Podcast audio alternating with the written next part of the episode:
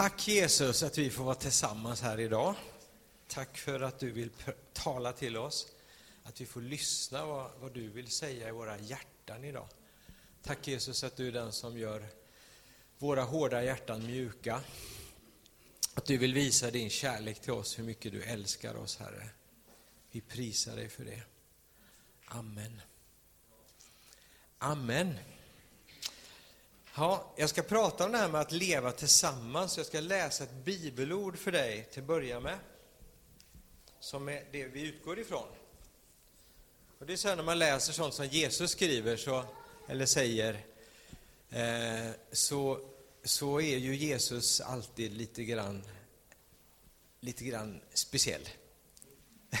Han vänder och vrider på saker, tänker på ett annat sätt än vad vi gör och det, därför är det bra att vi läser vad han vad han säger. Så här står det i Markus 3 och 31. Nu kom Jesu mor och hans bröder och stannade utanför och skickade bud in till honom för att kalla på honom.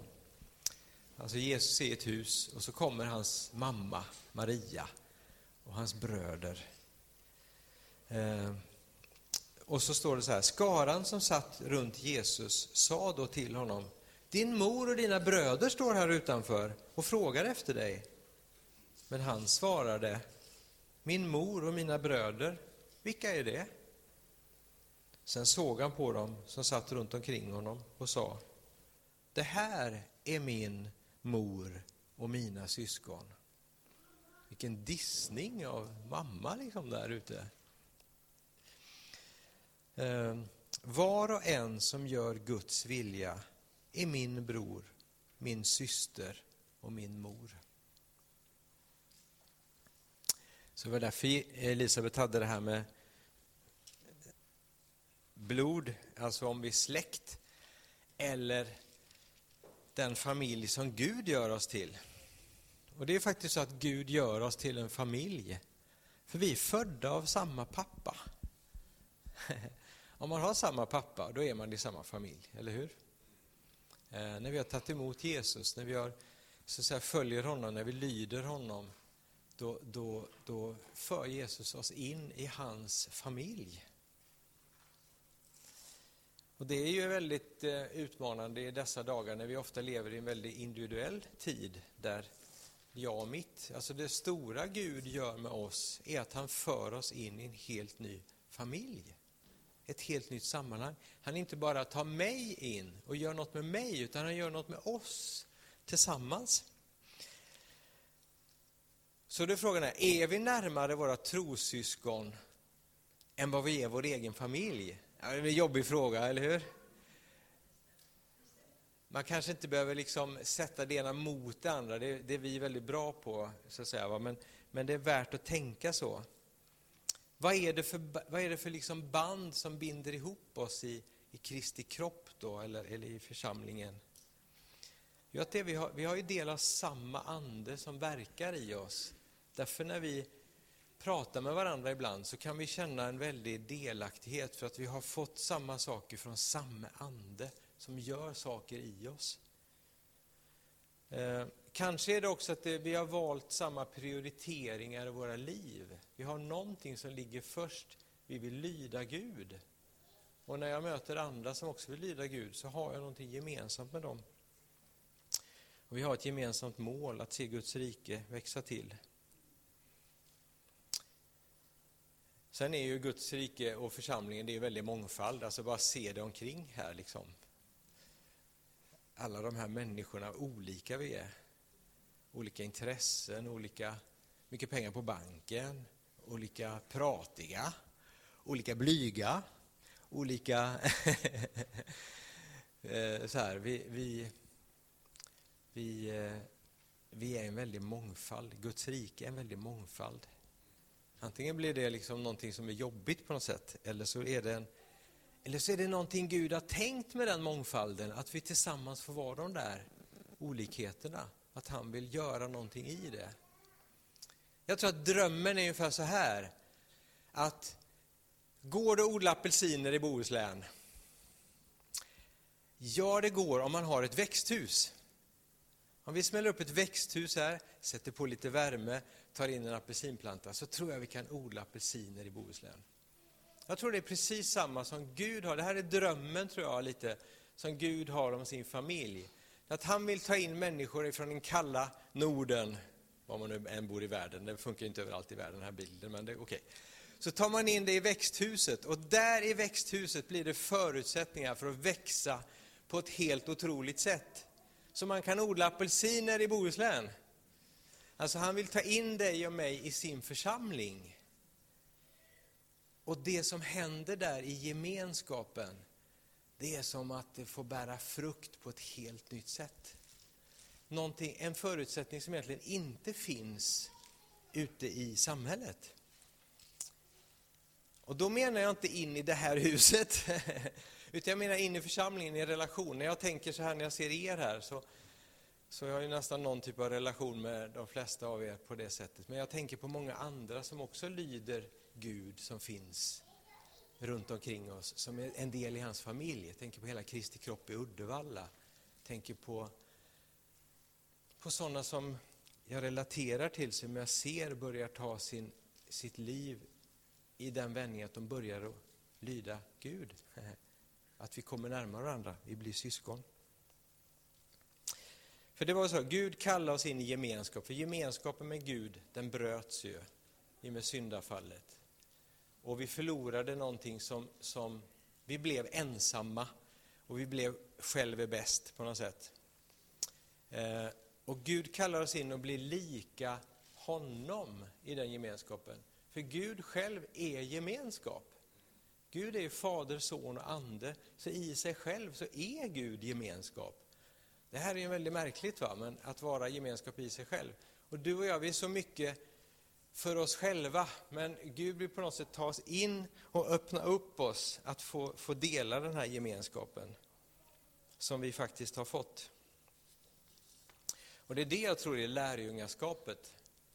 Det här att ly, lyda Gud, man kanske kan fastna i det där ordet, vad är det att lyda Gud? Och så kan man tänka på att jag tänker så här, jag vet inte om du tänker så, det här med, man pratar om att lyda Gud så tänker man ofta till olika situationer. Jag ska lyda Gud i vilket arbete ska jag ha nu, eller vad ska, vilket steg, eller vem ska jag ringa idag, eller så här. Jag tror lyda Gud handlar väldigt mycket om var har jag lagt mina prioriteringar i mitt liv? Det är en attityd jag har, eh, att lyda Gud. Att jag, jag har en, en, som man sa förr, man kan väl säga det nu med, men jag tror inte det är ett ord vi använder så Man har en gudsfruktan, man har en respekt för, för Gud i mitt liv. Att jag räknar med Gud, räknar med hans, hans ord, hans sanningar i mitt liv, i, i hur jag lever. Eh, det vi har när vi prövar oss själva inför nattvarden sen, så att säga, va? att vi, vi, vi, vi, vi letar inte fel i oss själva, utan vi letar snarare, prioriterar jag Gud i mitt liv? Det är att lyda Gud. Och där är liksom att jag får komma in i hans familj. Eh, om man läser Bibeln så är det faktiskt så att, att eh, vi kan tycka ibland kanske att eh, Bibeln handlar mycket, om man läser Nya Testamentet, mycket om liksom församlingen och det är väldigt mycket skrivet om våra relationer. Om man ska titta hur mycket, hur mycket handlar det inte om respektera varandra, älska varandra, förlåta varandra och det här. Väldigt mycket handlar om den här relationsbiten. Så jag tror det här är egentligen väldigt viktigt i det vi har, att vi kan relatera på ett rätt sätt. Eh, så att säga att, att jag lyder Gud handlar inte bara om, om mig, utan det handlar om mig i sammanhanget tillsammans med dig. Förstår du vad jag menar? Och där är det då knepigt, för då helt plötsligt så krokar jag ihop med någon. Helt plötsligt blir jag sur på någon, eller någon är lite otrevlig mot mig, eller någonting händer. Har du varit med om det? Och så stoppar vi saker under mattan och så går vi vidare. Men är det kanske så att lyda Gud handlar om att vara väldigt noga med de relationer vi har i Kristi kropp? Att, att göra det som, som Gud vill med de relationerna för att vi tillsammans ska få bli det där växthuset där frukten kan få bli.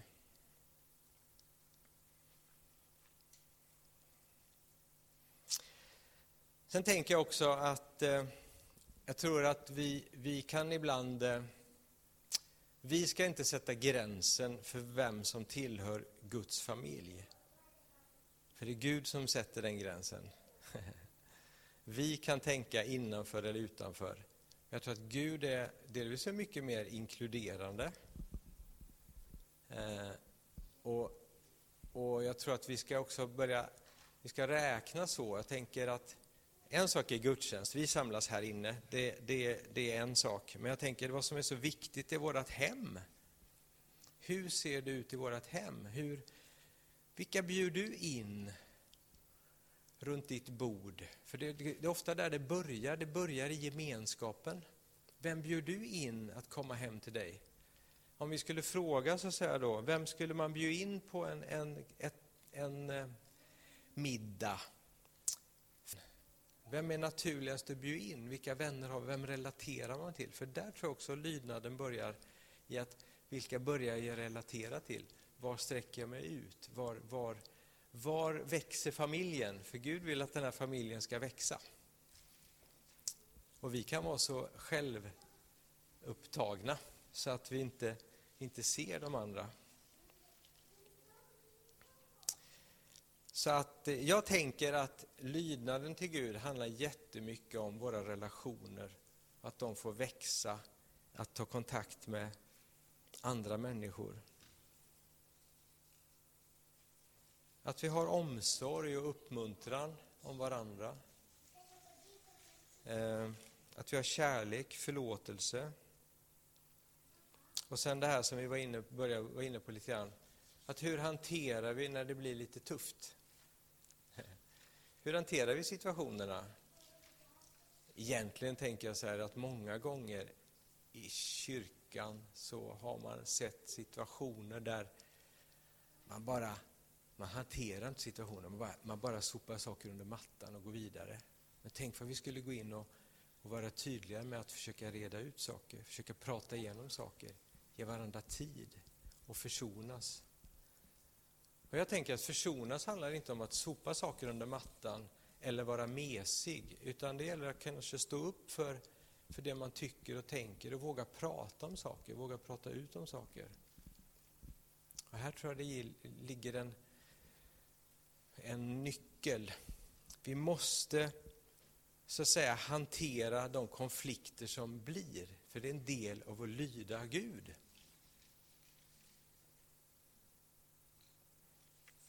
Jag pratade med en, en kille som går med i en, i en missionsorganisation som ska, då ska vara ute på fältet och, och, jobba i mission i andra länder. Och de är supernoga med att ge dem en jättekurs i konflikthantering. För jag menar, man kan inte åka ut och vara i team nära varandra och jobba om man inte också kan lösa konflikter. Och då kan man tänka tillbaka på, på konflikter, så att säga. Vad, hur, hur, löser man konflikter? Ja, det, är ju liksom så här, det finns olika liksom, sätt att lösa konflikter. Antingen är man som draken, man bara biter ifrån och säger till och så går man därifrån. Liksom. Eller så är man liksom kameleonten, man är liksom sån att man bara, man bara anpassar sig. Ja, men säger du så så gör vi så. Liksom. Och, och, och allt kan ha sin tid, så att säga. Va? Man kan behöva kompromissa, Eh, man kan behöva prioritera relation före sakfråga och så vidare. Man kan prata om det här, det, det är spännande i sig, men vi ska inte gå in och, och, prata detaljer där. Men jag tror att ibland tänker vi så att vi ska vara lite mesiga. Och vi ska bara säga förlåt och ska vi gå vidare. Nej, jag tror faktiskt att, att det är viktigt vad du har att säga i en konflikt som blir. När det är någonting som händer, att vi får uttrycka och tala sanning till varandra. För när vi talar ut sanningen till varandra, då löser det upp saker. Vi tror att sanningen sätter oss fria. Vi kanske har blivit överkörda av någon, eller vi kanske har blivit ledsna. Vi kanske behöver hjälp att, att prata med någon, att få komma ur det där. Kanske är de här tankarna som mal i huvudet. Tankarna kommer igen. Han eller hon sa så till mig och det blev jobbigt. Och Ja, då kanske vi ska försöka ta tag i de där sakerna. Det är kanske att göra Guds vilja. Några saker som, som vi läser i Bibeln om konflikthantering, om vi, om vi eh, bara nämner några saker. Det är så spännande att vi har ett helt annat, en helt annan verktygsuppsättning i Guds rike än vad världen har. Jag tänker på Romarbrevet 12 och 20 där det står om din fiende är hungrig, så ge honom att äta och dricka, då samlar du glödande kol på hans huvud. Besegra det onda med det goda. Alltså, Jesus pratar också om det här i bergspredikan. Älska dina fiender, gå en extra mil. Hur gör man när man har besvärligt i en relation? Ja, man kanske går en extra mil, man kanske sträcker sig ut lite extra och gör någonting. Man kanske inte bara sätter liksom stopp i relationen, utan man, man, man låter sitt hjärta bli mjukt och så, och så, så säga, Gud får ta hand om hämnden. Jag tar inte hand om hämnden själv genom att prata illa om en person, genom att liksom, eh, vara emot den, utan jag låter så säga, Gud ta hand om hämnden. Jag går en extra mil, jag ger mera kärlek istället. Det är en sån gudsrikes konfliktlösning. Sen har vi också då ett annat sätt som vi kan lösa konflikter, det står så här, för även om, den lever, även om vi lever i världen strider vi inte på världens sätt. Vapnen vi strider med är inte kötsliga, utan har kraft ifrån Gud att bryta ner fästen, skriver Paulus i Korintierbrevet. Vi har också bönen att gå in i en situation när vi ska lösa en konflikt. Att be för varandra, välsigna varandra, också ta tag i de här sakerna som ofta sitter fast i tanken. Där vi kan få, få använda bönens eh, kraft. Jag tror också att inbjuda den helige Ande, att, att se den helige Ande få komma in och verka, för den helige Ande mjukar upp våra hjärtan. Den helige Ande kan gå före och bana väg. Jag vet inte hur många samtal man har suttit i där man har, har bett innan och på något sätt man kan ta udden av, av det som är tufft innan på något sätt och så kan man se hur Gud öppnar upp. Gud öppnar upp en väg. Gud öppnar upp en möjlighet att lyssna eller Gud bara befriar in i ett sammanhang. Så att eh, jag tror att, att om vi är det någon jag har någon, någonting emot så får jag ta itu med det. Är det någon, någon konflikt jag har någonstans, så låt Gud få verka i den. Det kanske är så jobbigt så det, det bara, du, du får bara börja och be Gud, låt mig bara tänka tanken att jag kanske behöver få, få, få reda upp det här på något sätt. Eh, I Matteus Jesus, saliga är de som skapar frid eller håller fred, för de ska kallas Guds barn. Eh, jag kommer ihåg en gång, jag har nämnt det förut, men jag tycker det är så underbart. Det var på Saronhuset, vi hade en nattvardsstund. Och så, och så sa jag det att, ni vet att vi brukar ha en sån fridshälsning, och vet ni varför man har en fridshälsning? Nej, ingen visste varför man har en fridshälsning. Jag tror det är religiöst sådär liksom. Nej, men det är liksom att innan vi går fram och tar emot nattvarden så behöver jag göra upp, om jag har någonting emot någon annan, så behöver jag göra upp det först, för jag kan inte gå till nattvarden om jag har något emot någon. Och sen så tog det nog en kvart innan vi kunde gå vidare. För det var jättemånga, det var, jag vet inte, det var inte jättemånga, det var kanske 15 personer i rummet, men det var så många som hade saker att göra upp med de andra. Jag tror Guds ande kom på något sätt mitt i det. Så alla, jättemånga hade saker att prata med varandra om. Och säga, förlåt, det var det jag sa. Det så var det liksom en liten stund, flera gick runt och gjorde upp saker. Bara lämna grejer. Och det, det tog mig så det här, för att jag sa det mer sådär, men jag tänker, det, det, här tror jag är så viktigt att vi får, får vi kanske går fram här nu, tar emot nattvard om en stund och då kan det finnas saker eh, vi kanske inte kan göra upp just nu, för personen kanske inte är här, eller kanske inte har tid, för kanske två. I vår attityd kan vi bestämma oss för, jag vill inte gå och bära på en oförrätt mot någon annan, eller bära på någonting mot någon annan, utan jag vill släppa det.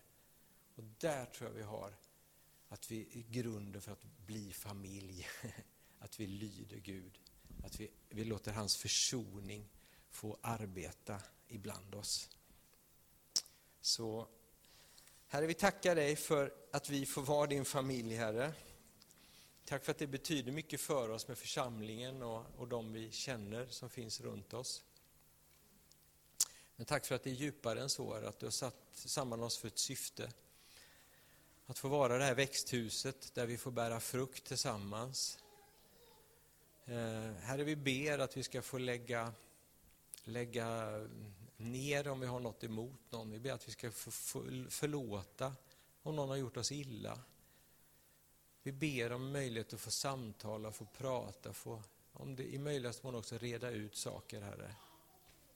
Tackar dig för att du vill att vi ska skapa fred och frid där vi går fram. Be för de relationerna som finns när du bygger din församling, Herre. Be för, för oss, be för vår stad, Herre, för alla kyrkorna, Herre. För att du kommer med försoningens ande, Herre.